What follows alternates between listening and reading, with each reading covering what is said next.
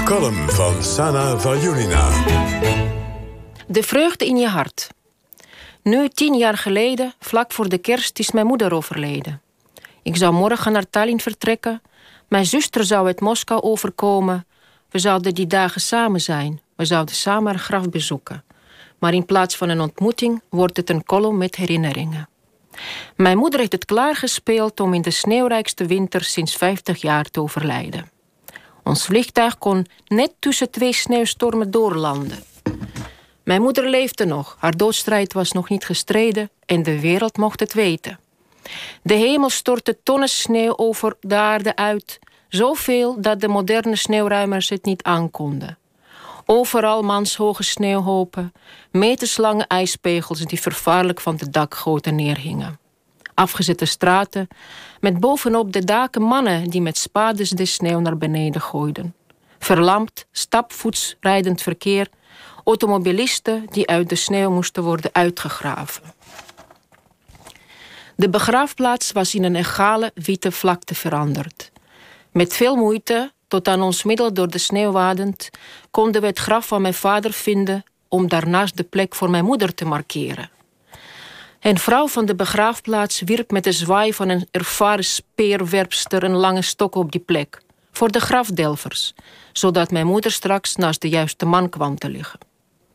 In slippende taxis reden we door de chaotische stad op zoek naar een lap witte stof van zes meter lang. Voor een lijkwaarde voor mijn moeder. Ze was Tataars en ze kreeg een islamitische begrafenis. Eerst gewassen door twee oudere Tataarse vrouwen, dan kunstig in dat witte gewaad gewikkeld. Haar kist werd ten graven gedragen door vier jongens van de moskee. Haar ter aarde bestelling werd begeleid door een Koranverse lezende mullah. Maar nu wil ik het over het leven van mijn moeder hebben. Volgens de profeet Mohammed moet je vreugde in je eigen hart zoeken. Zo denk ik er ook over. Maar mijn moeder hoefde daar helemaal niet naar te zoeken, want ze had die vreugde al in haar hart. Zag mijn vader in de zee een plasje water, daar riep zij dat, dat hij in een plasje water de zee kon zien. Ondanks alle ellende die ze in de oorlog had meegemaakt, beschouwde ze zichzelf als een gelukkig mens. Want haar belangrijkste dromen waren uitgekomen. Ze was lerares geworden en ze had twee dochters gekregen, die ze soms in een verheven staat van zijn en ten overstaan van anderen haar twee ballades noemde, tot licht afgrijzen van die dochters. Mijn moeder heeft altijd keihard gewerkt. Ze had op een gegeven moment twee banen, op een middelbare en op een avondschool. Hoe ze dat allemaal klaarspeelde in een land waarin aan alles tekort was, zonder stofzuiger, zonder wasmachine, zonder opa's en opa's, oma's en opa's, blijft voor mij nog altijd een raadsel. Toch heb ik me nooit hongerig, dorstig, verlaten of verwaarloosd gevoeld. Je kunt de liefde ook op afstand voelen.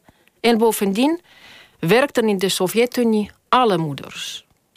Mijn moeder had niet alleen de vreugde in haar hart, ze kon die ook delen.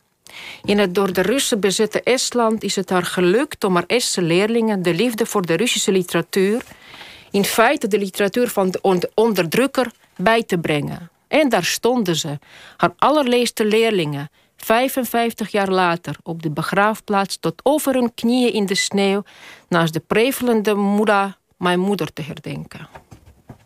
Sana. Ja, Sana, prachtig column. Je uh, was ook uh, ontroerd hè, tijdens ja, het lezen. Ja, ja, ja, tien jaar geleden. En kijk naar de elementen nu. Mijn moeder is natuurlijk altijd nog bezig. Ik bedoel de storm. Ah, Storm Bella. Dat, uh, ja, een beetje mystiek in het leven kan geen kwaad. Heel goed. Dankjewel, Sana. OVT.